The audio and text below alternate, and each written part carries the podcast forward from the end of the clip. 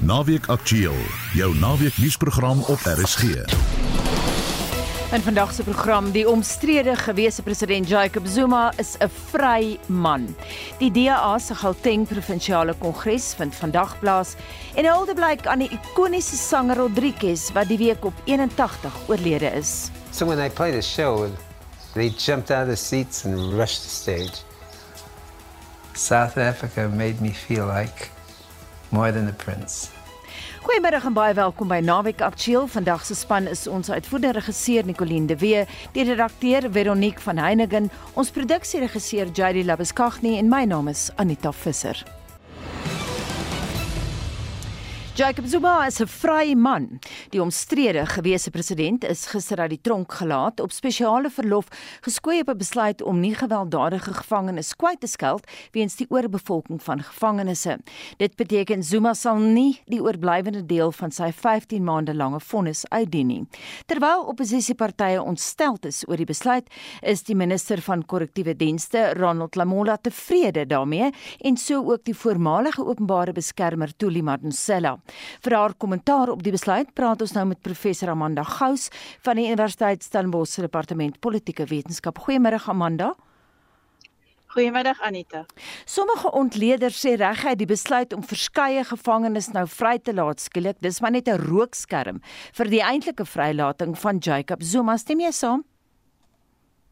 Ja, absoluut. Ehm um, ek dink die regering het die situasie gehad waar hulle moes allerhande goed balanseer. Uh, as hulle hom weer in die tronk sit, kan ons weer 'n 2de Julie 2021 verwag. Met ander woorde, ehm um, protes en vandalisme en so aan.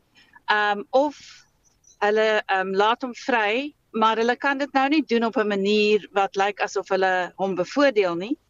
So toe het die president dit goed geag om 'n spesiale vergunning, special remission uh uh te teken wat in die staatskoerant verskyn het en waarop daar nou omtrent um, 9000 nie gewelddadige gevangenes um vrygelaat word.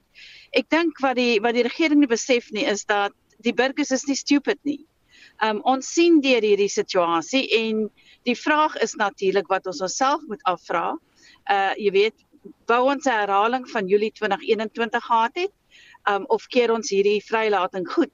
En en wat my betref is dit een man wat 'n hele land gijslaar hou. Want as hy dit reg kry om die, om die regte omsel soos hy nou al vir jare doen, dan jy weet ons kan sê hy is nie 'n uh, nie gewelddadige gevangene uh maar die punt is dat sy optrede het die ondergang van 'n hele land beteken en dit is vir my erger as om 'n gewelddadige gevangenes te wees. Um, ja. Amanda prisonier te wees. Die DA dreig om stappe te neem teen die besluit. Wat is die party se opsies? Wel, ek dink hulle kan 'n saak maak dat hierdie ehm um, spesiale vergunning ongrondwettig is en dat hulle dan 'n uh, jy weet 'n hofsaak maak of 'n interdik aanvra uh, dat Zuma basies oh, hy's reeds vry maar dat daar dat hy basies terug moet gaan uh, tronk toe. Maar mens moet ook die vraag vra was daar nie ander opsies nie, huisarrest of of so iets. Um om hom nou vry te laat beteken dat hy, jy weet, vry kwytgeskeld word van 'n hele klomp goed. Daar word heelwat wenkbroue op sosiale media gerig oor Tuli Marcella se uitspraak gister. Wat is jou reaksie op haar goedkeuring van Zuma se vrylating? Nee, wel it boggles the mind want ehm um, sy was die man wat ag die die die, die vrou, die openbare beskermer wat ehm um, hom probeer vervolg het oor die hele Nakandla saga en oor 'n hele paar ander goed. En hierdie hele ehm um, feit dat hy moes tronk toe gaan is direk gekoppel aan staatskaping en nou keer sy dit goed. So ek weet nie, jy weet wie aan wie sy iets verskuldig dat sy dit doen. Ronald Lamola wat in sommige kringe beskou word as een van die mees intelligente ANC ministers, het ook die vrylating op parol van teenskreer en Frans de Tooi goedgekeur. Hy het Alison Botha in 1994 verkrag en verdood agtergelaat en sy is nooit deur die paroolraad gevra vir insette oor die besluit nie. Trouwens, sy was totaal onbewus daarvan dat Kreer vrygelaat sou word. Wat sê dit vir Suid-Afrikaners oor die stand van gevangenisdienste en die leiding van Lamola af? Wel, jy weet, uh, ek dink as ons nou net kyk na die hele ehm um, Wester saga wat uh, jy weet uit die tronk uitgekom het deur 'n liggaam te verbrand. Ehm um, die die uh die brand by e-, een van die gevangenes 'n paar dae gelede wat wat almal 4000 gevangene moes verskuif word. So nee, die die gevangenes uh diens is is wel dit is in 'n baie slegte toestand, maar dit berus by die minister van uh ehm um, wat wat uh gevangenes hanteer.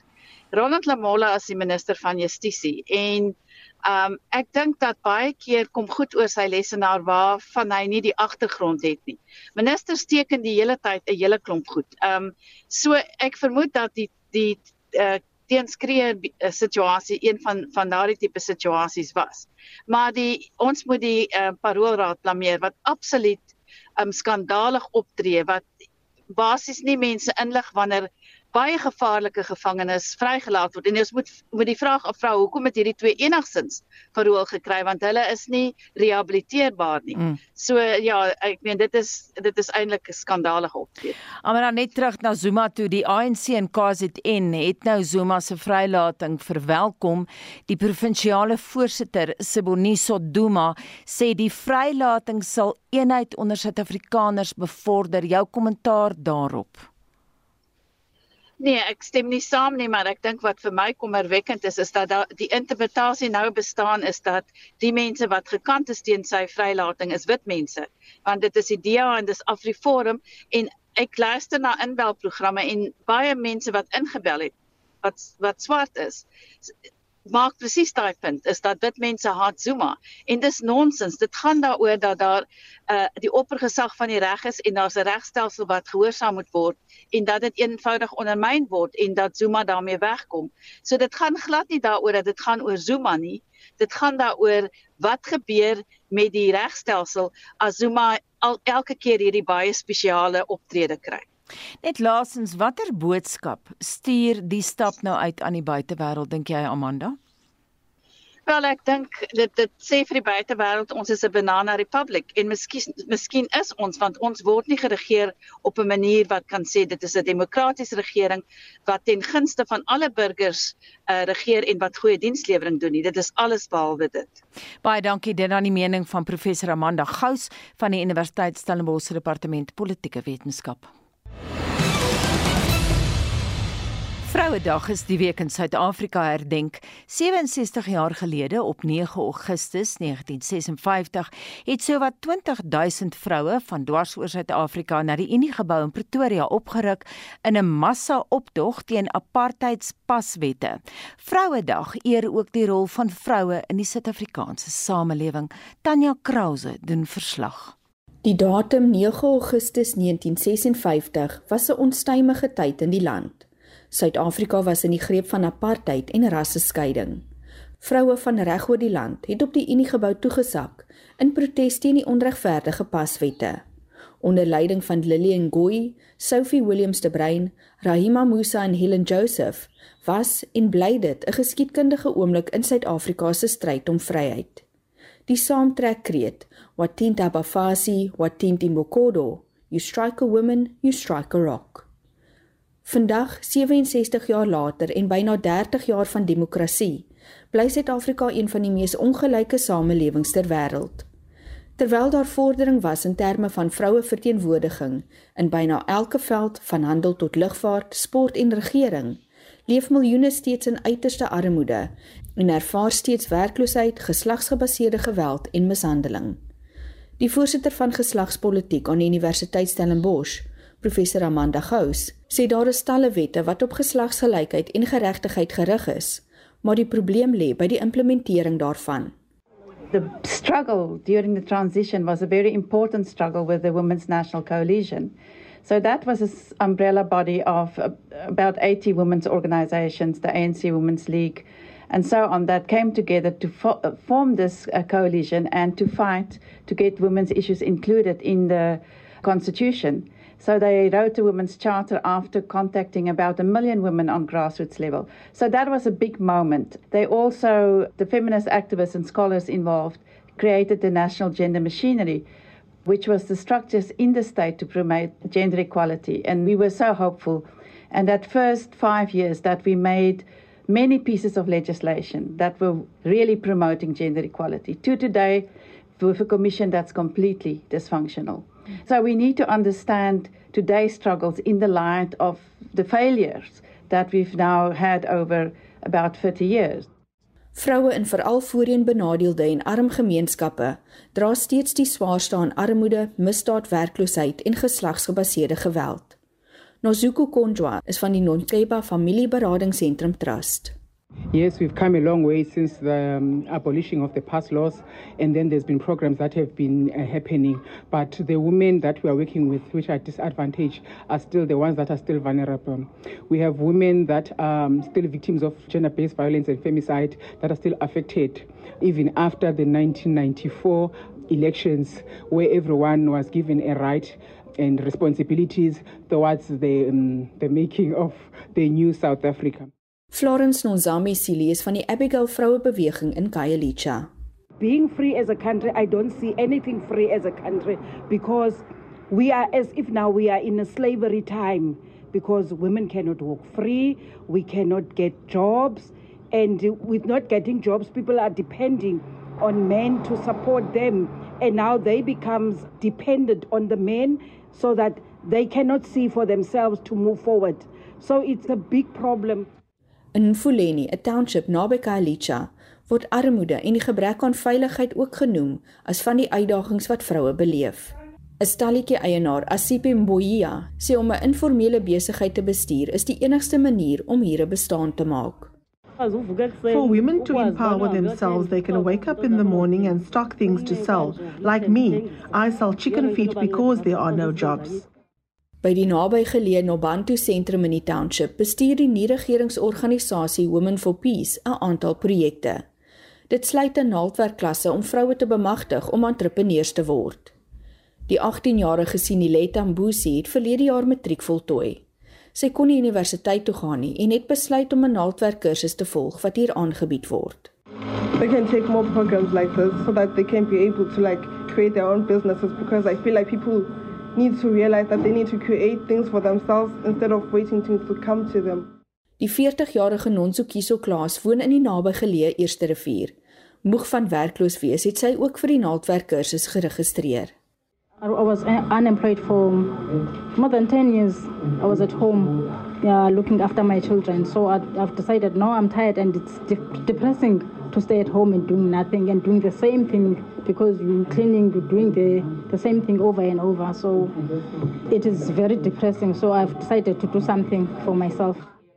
Die bestuurder van die sentrum, Tandeka Tofu, sê vroue in Mfuleni, soos die meeste informele nedersettings reg oor die land, ervaar steeds uiterste swaar kry.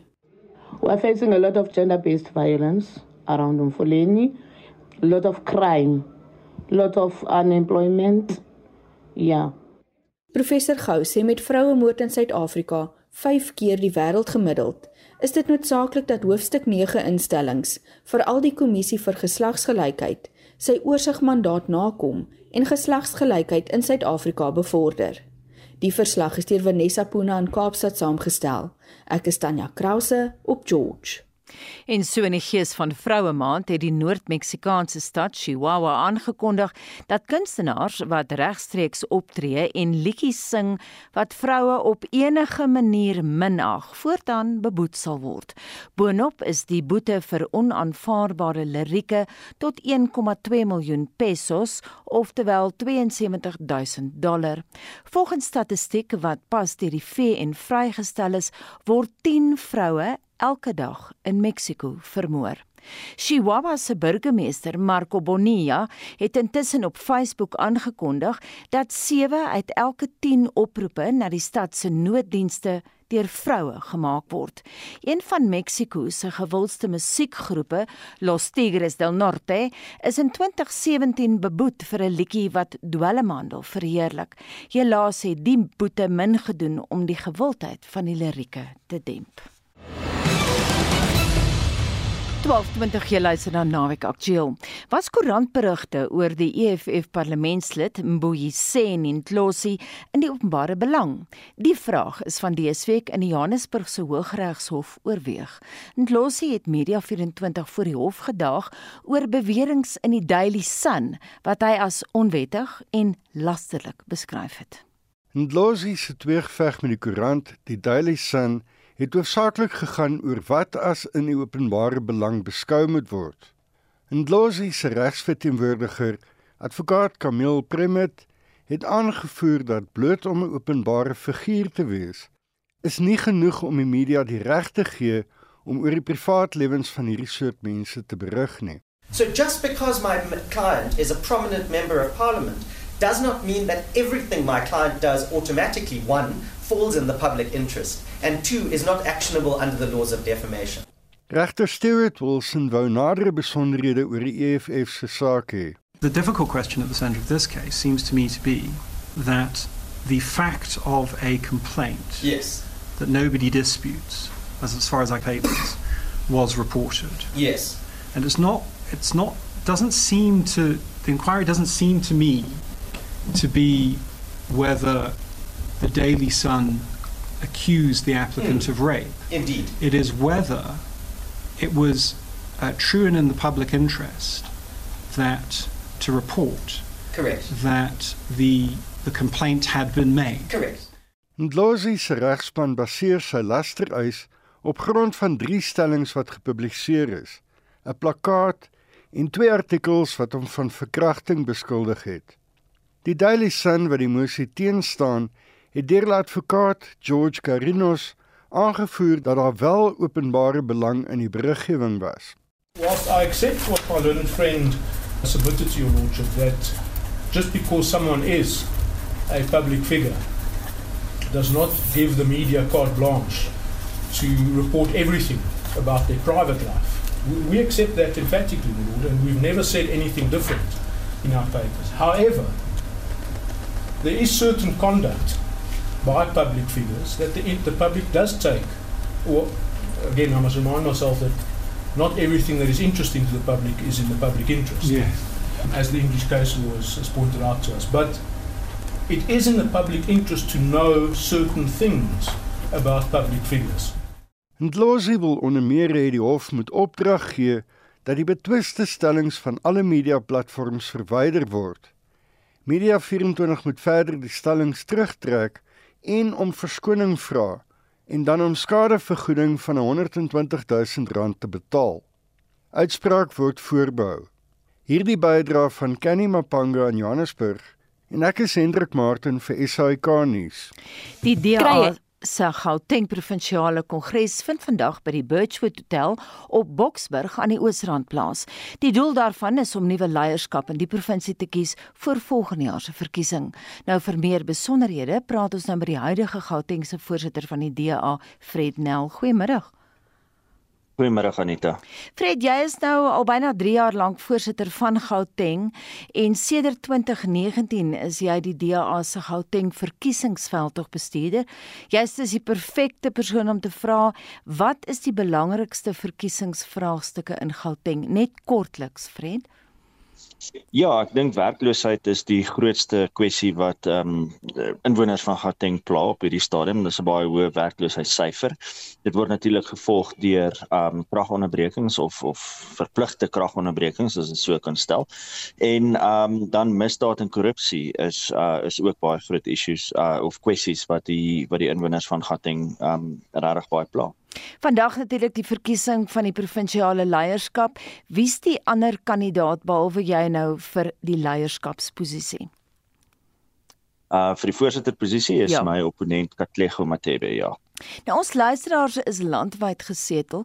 Wat weet ander Suid-Afrikaners nie van die politieke dinamika van spesifiek Gauteng nie?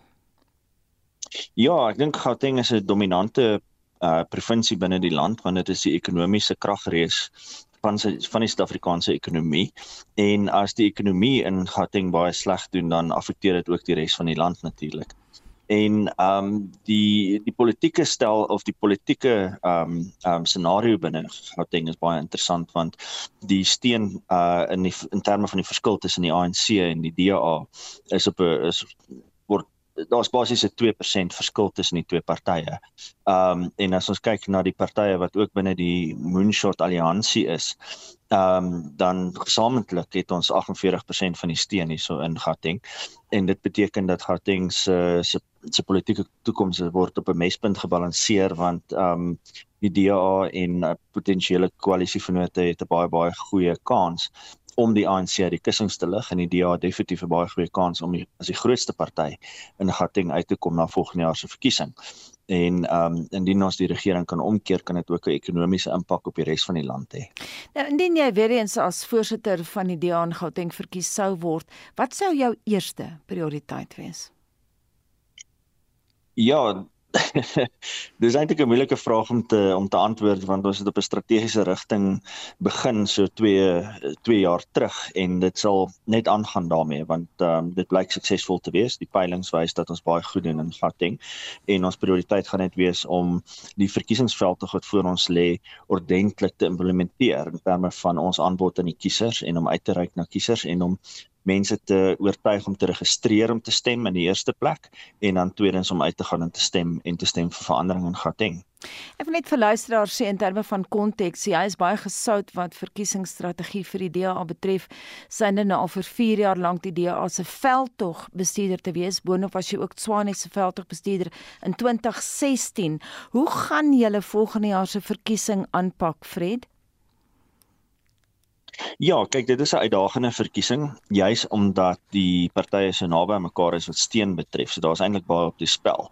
Maar ehm um, ek dink wat mense van ons kan verwag is dat ons met 'n baie duidelike en sterk aanbod en boodskap gaan gaan na die kiesers toe. Ons gaan definitief ons oplossings op die tafel sit ehm um, vir vir kiesers om te oor oorweeg natuurlik maar ek dink die heel belangrikste ding vir ons gaan wees om te sorg dat ons met elke liewe kiezer in Gauteng kan gesels um om dit te oortuig om vir die DA te stem in volgende jaar se verkiesing en dit is natuurlik die grootste uitdaging vir ons. Is jy bewus van meningspeilings wat fokus op spesifiek jong Suid-Afrikaners se apatie heens die verkiesing? Um nie, die meningspeilings wat gedoen is is eintlik redelik oud as jy kyk daarna.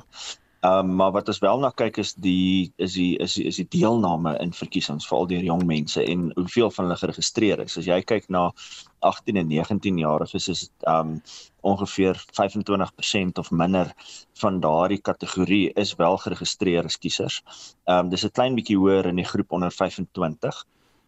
En die en jy vind eers maar dat dat die kiesers hierteen ouderdom 30 regtig begin registreer. So dit is 'n hengse groot uitdaging vir ons. Maar dis ook 'n groot uitdaging vir ons want ehm um, jy weet minder as helfte van die kiesers wat kon stem in 2021 ehm um, het gestem. En as jy alle 18-jariges en ouer vat of hulle geregistreer is of nie, kom daai syfer nog baie baie verder af. En jy's jy kom amper hier na 5-36% toe van mense wat kan stem wat gestem het. Hoe hanteer julle kritiek teen die DA? Baie mense sê julle raak minder relevant. Wat is jou reaksie daarop? Nee, ek dink nie so nie. Ek dink uh ons peilings en ook eksterne peilings wys dat ons eintlik meer relevant raak. Ek dink die kwessies wat ons aanroer is die regte kwessies. Ek dink ons wys relevantie aan die kiesers oor om sake soos elektrisiteitsvoorsiening aan te roer, um misdaad aan te roer, um ook deur ons menige hofsaake waar ons die regering verantwoordbaar hou. Ek dink nie daar's enige ander party in Suid-Afrika wat al ooit soveel geld spandeer het op hofsaake om demokrasie en regverdigheid te beskerm binne Suid-Afrika as die DA nie. En um ek dink mense sien dit raak. Baie dankie en so sê die Gautengse voorsitter van die DA, Fred Nel.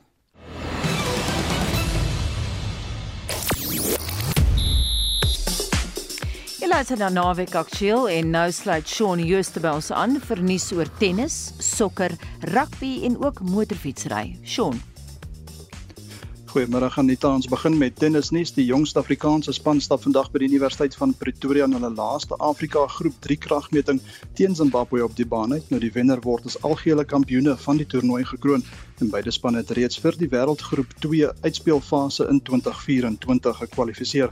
By die FIFA Vroue Sokker Wêreldbeker toernooi medegasheer Australië 7-6 na straftoele teen Frankryk geseëvier en Engeland en Kolumbie pak mekaar op die oomblik vir die laaste plek in die halffinale.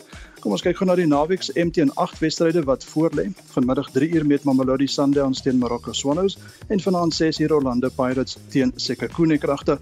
Môremiddag 3 uur kom Cape Town City teen Kaizer Chiefs en 6 uur SuperSport United teen Stellenbosch FC te staan. Dan in die Engelse Premier League het Manchester City hulle veldtog gisterand in 'n wegwedstryd teen Burnley met 'n 3-0 oorwinning begin. Arsenal speel half 2 teen Nottingham Forest. Half 7 is dit Newcastle United teen Aston Villa en dan môre middag half 6 takel Chelsea en Liverpool mekaar. Mekaar. Op die rugbyveld vind die laaste rondom talie wedstryd in die Suid-Afrikaanse Vroue Premier Liga vandag plaas. Die top 4 is wel reeds bevestig. Boland speel heidaglik teen die Haie in Vredendal. WP en OP pak mekaar ook nou in Kaapstad by City Park en die Bluebell Daisies draf vir 'n uur in Alberton teen die Goue Leeu's op die veldtyd. En dan laastens Suid-Afrika bied ook hierdie naweek die gesogte motocross kampioenskap van Afrika Nasies aan en dis by die Zone 7 Speed Spot in Kaapstad. Die geleentheid is die hoogtepunt op die Afrika motocross kalender. 36 van Suid-Afrika se beste motocross ryers sal teen die beste ryers van Afrika kompeteer en vir die eerste keer in die geskiedenis het die Suid-Afrikaanse span 'n vroulike kaptein in Kayla Graaf. Nou kaartjies kan by Quicket gekoop word vir R100 vir 'n volle dag vir volwassenes. En dit dan Shaun Jooste met die jongste sportnuus. Die land se voorste mans en vroue muurbalspelers is reeds vanaf donderdag by die waterfront in Kaapstad waar hulle meeding om die kroon as die land se nasionale muurbalkampioene. Gister se semifinaal het toeskouers behoorlik na hulle asems laat snak. Savannah Ingledew het Suid-Afrikaanse muurbal stom geslaan deur die eerste tiener in meer as 30 jaar te word om deur te dring na die vroue finaal van die Growth Point Nasionale Muurbal Kampioenskap.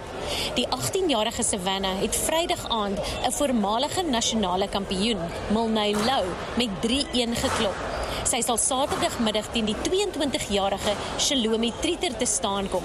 En Shalomi, wat ook in haar eerste finaal speel, sê sy is reg om te wen. Ja, ek dink ek gaan hom vat, net soos wat ek vandag en gister gevat het. Ek bedoel, ek het regtig net gefokus op my game en gefokus op wat ek gedoen en probeer om nie die oomblik soos my te laat oorneem nie, maar om elke oomblik te geniet want dit is so 'n amazing geleentheid en dit is so lekker om te wees en net my beste speel te kan sê ek het alles gegee op die môre. Die mansfinaal voel soos 'n geval van déjà vu met die verdedigende manskampioen die 26-jarige Dewald van Niekerk wat weer eens teen die 36-jarige Christo Potgieter te staan sal kom soos in die 2022 finaal. Van Niekerk wat hoop om sy derde agtereenvolgende titel in te palm, sê hy is reg vir Saterdag se kragmeting. Ek is fisies nog fyn, uh, maar dit was 'n groot mental battle vir my. Maar ja, ek baie bly om hierdie deurtrek en die mental deel van dit deurbring en ja, ek voel net dit het my skerp gemaak vanmôre. Die vroue finaal begin Saterdagmiddag om 5:30 met die mansfinaal direk daarna. So indien jy jouself in die omgewing van die waterfront bevind, kom kyk gerus want 'n jong dame het die kans om geskiedenis te maak. Dit is Ursula Flismas vir RSG Sport. 12:35 en in sy weeklikse motorrubriek toets Wessel Pretorius 'n Suid-Koreaan.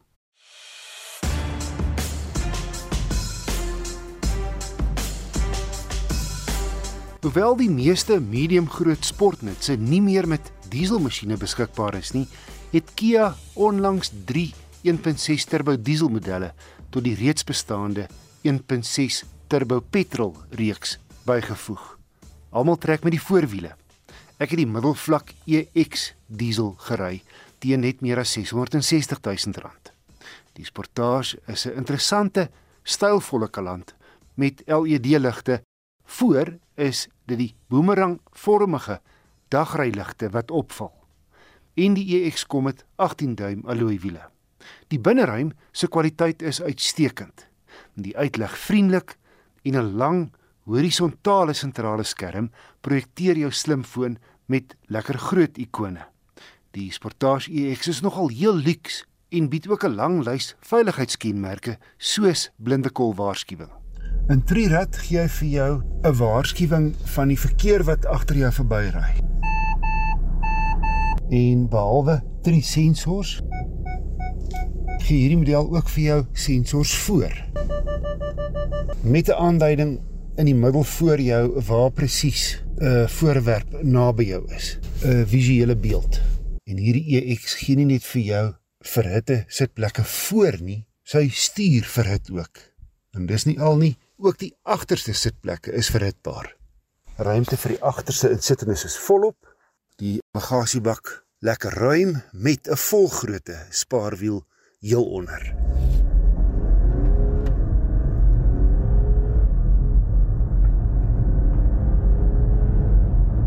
Die Sportage se 1.6 turbo diesel skop 100 kW en 320 Nm uit, heeltemal voldoende. Kaas.ca.za het 0 na 100 in 10,4 sekondes afgelê. Opvallend is hoe stil die kajuit teen 120 is en hoe goed die enjin en die sewe-spoed outomaties saamwerk. En suiwig met die sous. Verwag 'n gemiddelde verbruik van 6.5 liter per 100 km. Dis 'n baie skaflike 830 km op sy 54 liter tank. Nee, kyk Kia se Sportage CRDI EX teen R664 000 sit nie 'n voet verkeerd nie. Boonop het hy nie 'n direkte diesel teenstander nie. Die Hyundai Grand Creta en Mahindra Scorpio N val in 'n goedkoper klas, terwyl die kragtiger Mazda CX-5 en Hyundai Tucson 'n 100 000 meer kos. Hierdie indrukwekkende Kia Sportage EX diesel is my keuse in die medium grootte sportnusklas. Ingesluit kom 'n 5 jaar onbeperkte kilometer waarborg met padbystand en 'n 6 jaar 90000 km diensplan. Die Springbokke vertrek vanmiddag na Europa vir die Rugby Wêreldbeker toernooi wat volgende maand in Frankryk afskop. Maar hulle gaan eers in twee opwarmingswedstryde teen Wallis in Cardiff en Nieu-Seeland in Londen in aksie wees. Ons verslaggewer Liesel Olivier het met die veelsidige oudbok en cheetah staatmaker Roan Pinaar oor Suid-Afrika se kansse gesels. Die Springbokke gaan probeer om die eerste span te word om die Webb Ellis beker 4 keer te wen. Hulle wil ook graag hulle titel suksesvol verdedig, nog net die All Blacks kon dit regkry. Maklik gaan dit egter nie wees nie. Daar is 'n paar spanne wat groot uitdagings aan die Suid-Afrikaners gaan stel. Pinaar wat die groen en goud trui 88 keer oor die kop getrek het, meen Suid-Afrika, Nieu-Seeland en Ierland is die groot gunstelinge. Maar hy sê Frankryk voor 'n passievolle tuiskare hou 'n groot bedreiging in. Frankryk op tuisbodem baie moeilik wees. Ek dink Frankryk is 'n bitter moeilike plek om te speel en ek dink die spelers sowel as die publiek sal bankvas agter hulle mense staan. Ek dink hulle het regtig hoop vir daardie span. Dit is 'n generasie wat ongelooflike goeie rugby spelers opgelewer het.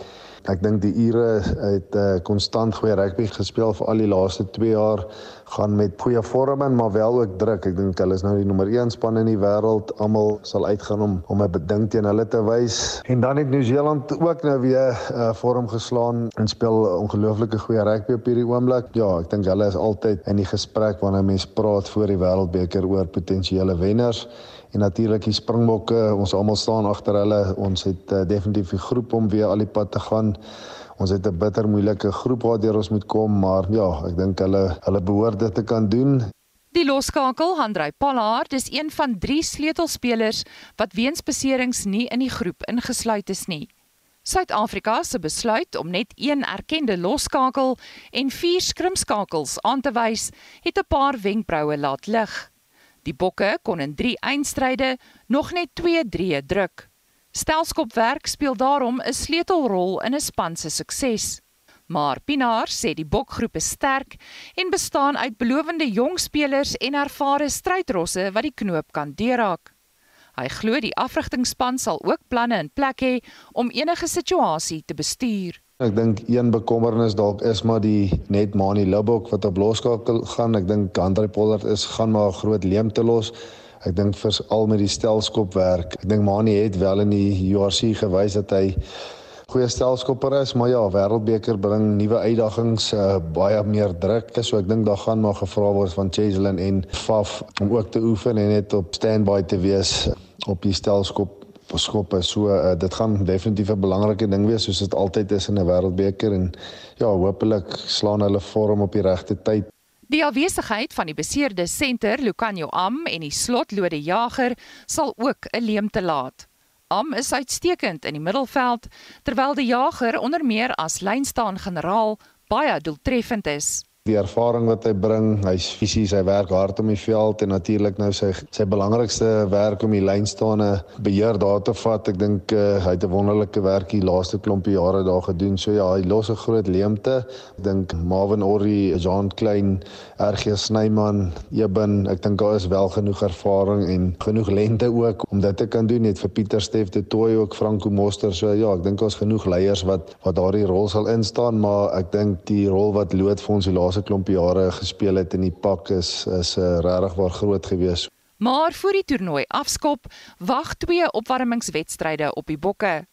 Hulle gaan volgende naweek teen Wallis in Cardiff en die week daarna teen die All Blacks op Twickenham in Londen uitdraf. Pinaar sê hoewel sulke kragmetings 'n gevaar van beserings inhou, dien dit tog 'n goeie doel. Ek dink dit is nog 'n paar weke tot die Wêreldbeker begin. Ek dink die spelers het die wedstryd tyd en die kondisionering van 'n wedstryd nodig. Ek dink nie mens kan vir 3, 4 weke dit altyd simuleer dat um, jy reg is vir daai eerste wedstryde nie. So ja, ek dink dit is nodig en daar is tog wel posisies dink ek op hierdie stadium waar daar dalk nog bietjie onsekerheid is.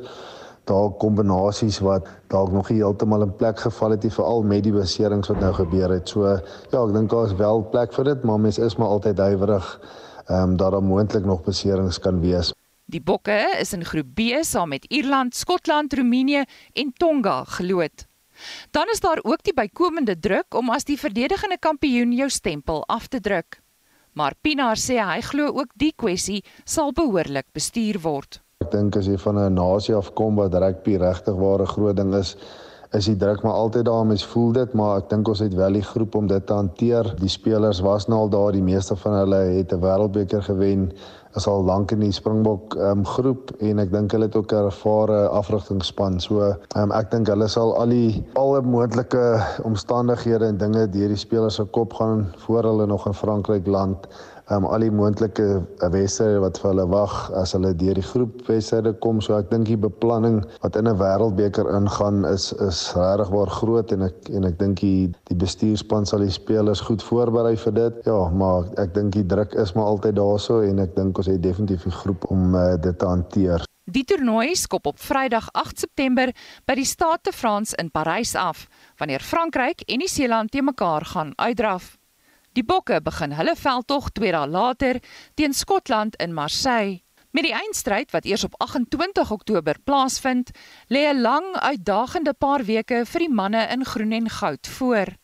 Daar is egter min twyfel dat die hele groep die land weer wil trots maak en die reuse taak weer met passie en oorgawe sal aanpak.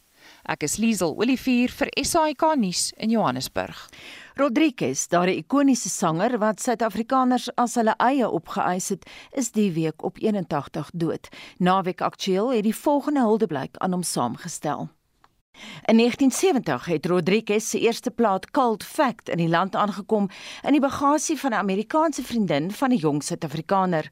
Die konteks van die grensverskuivende gebeurtenis was apartheid. Die zeitgeist, een van vermaanings, kalvinisme en velerlei taboes.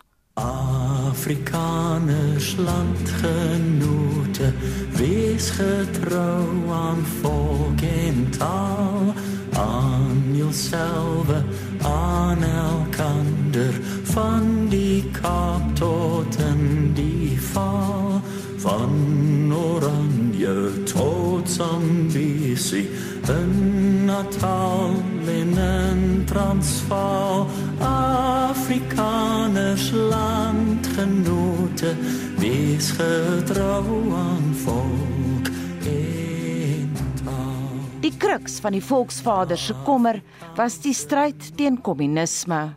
Daar sal seker tye kom wanneer jy die klem laat val op die veiligheid van die stad Ons wet van 1950 die wet op die onderdrukking van kommunisme lê dan ook die positiewe plig op die minister van justisie om te oordeel of daardie mense se dade binne die kader van daardie definisie val en dan sekere optrede teenoor hulle te doen.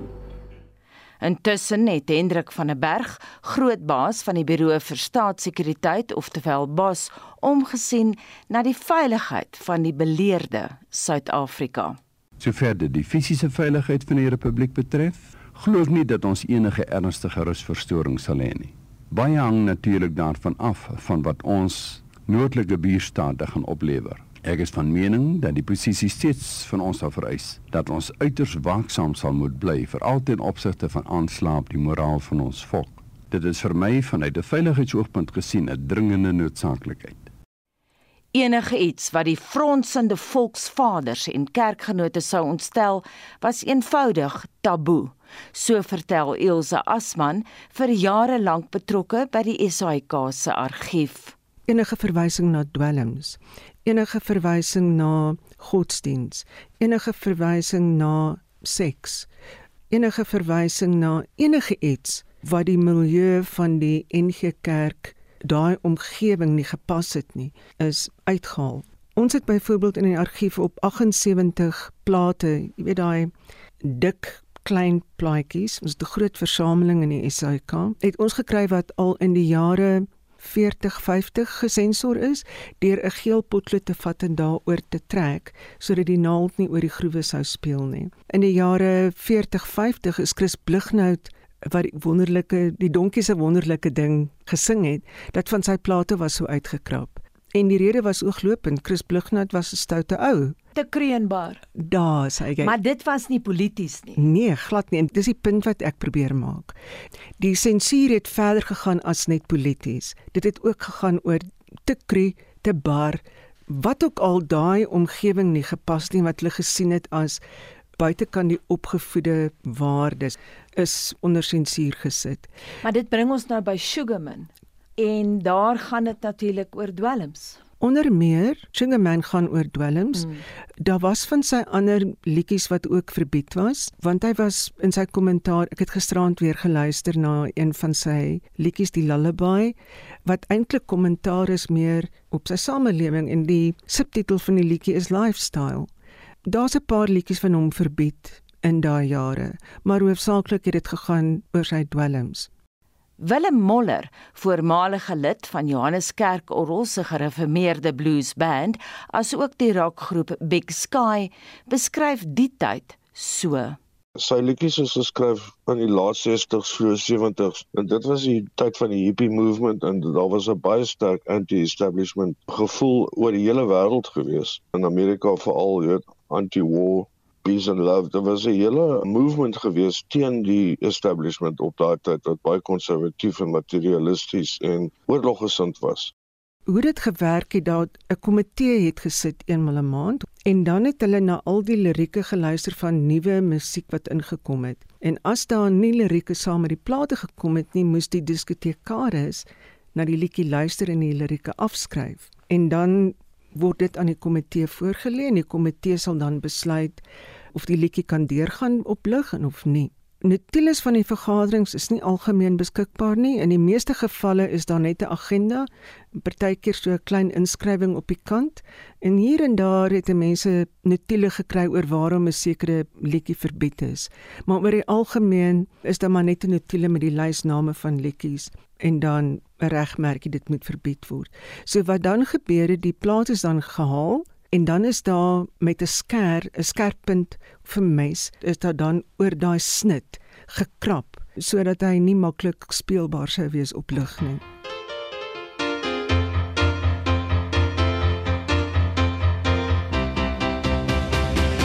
Die ander dag toe voel ek lank Wou ek klein bietjie ontspan.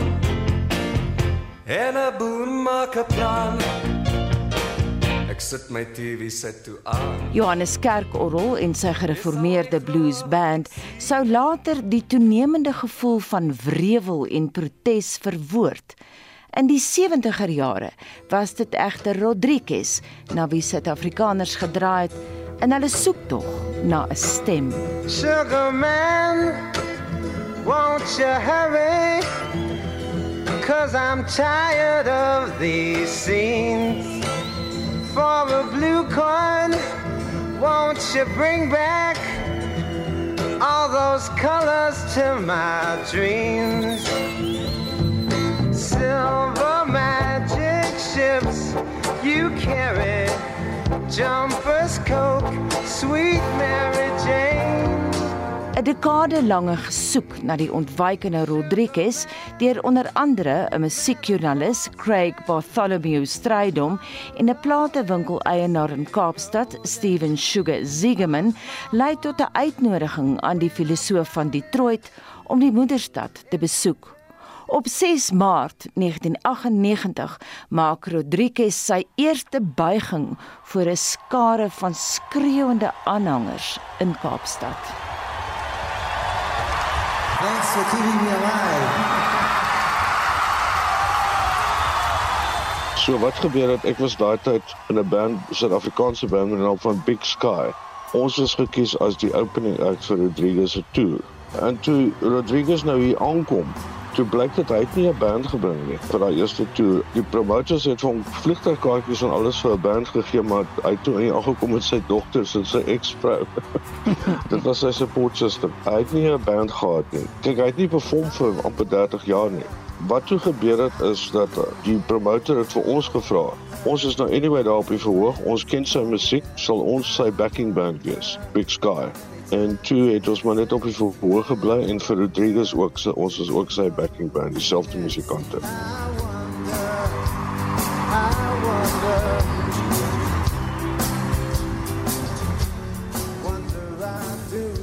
Die plan was die band begin speel I Wonder. As die musiek nou eers begin, dan sal Rodriguez op die verhoog verskyn. Mhm. Mm En uh, ons het die die sang begin, maar Rodriguez het nie verskyn nie. ons staan almal daar en 'n minuut het verby gegaan en dit begin net met 'n bassline en die basspeler het nou met die bassline oor en oor gespeel. En toe het ons later opgehou en iemand gestuur ge waar is Rodriguez? toe het hy uiteindelik uitgekom en hy het vir 'n paar minute net vir hulle gebuig en bedank. Sy woorde was thank you for keeping me alive. Hmm. Toe almal nou bietjie gekalmeer het, toe het ons met die weer begin met die liedjie en toe die show aangegaan. Rodriguez was nooit eintlik 'n performer nie. Hy was 'n songwriter en selfs toe sy plate nou uitgekom het in die vroeë 70's, hy wou nie op toer gaan en al die gewone promotional goedes doen, record company showcases en radio shows en sulke goed nie. En dit is 'n groot rede hoekom sy loopbaan nie aan die gang gekom het in Amerika nie. Toe hy nou agterkom maar hierdie musikante ken sy musiek, ons respekteer sy songs en ons we've got his back toe hy sy selfvertroue gevind. Toe was hy wonderlik geweest en op daai toer het hy seker die beste performance in sy lewe. Sugar you're the answer that makes my questions disappear. Sugar man, cause I'm weary of those double games I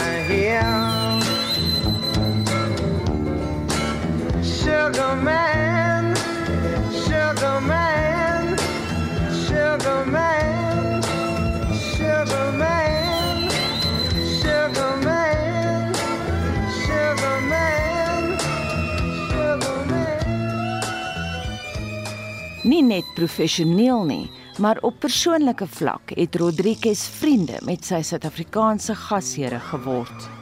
Hy's 'n vreeslike ehm um, wat kan ek die woord nou? Hy's so 'n ou hippie. Hy's nie materialisties nie. Hy's lief vir almal. Hy's 'n gentle persoon. Daar's iets spiritual omtrent hom. Ons het baie goed oor die weg gekom. Omdat ek ook gitaar gespeel het, het ek baie keer, jy weet, parte oorgeneem by hom en so aan. Ons het 'n baie goeie chemistry gehad op die verhoog ook. Hy het ook saam met my vrou Tonia wat ook in die band was. Sy was die backing singer en percussionist. Hulle het ook 'n baie goeie chemistry gehad. My vrou het ook 'n dokumentary oor die toer gemaak. Sy is in die filmbedryf. Die konstruksiewerker van Detroit het na jare sy heimat in Suid-Afrika gevind. In 'n onderhoud met die Sweedse filmmaker Malik Benjelloul, wie se dokumentêr Searching for Sugar Man bekroon is met 'n Oscar en 'n Britse BAFTA-toekenning, het Rodriguez sy band met sy Suid-Afrikaanse aanhangers so beskryf. Oh, they were so sweet. I didn't believe it. And I still don't, but the thing is, so when I went on stage, 5,000 seats, I'll set up, white seats. So when I played a show, they jumped out of the seats and rushed the stage. South Africa made me feel like more than a prince. Dit dan Rodriguez wat die week op 81 dood is en die bydra is tegnies deur Jerry Labuskaghni versorg.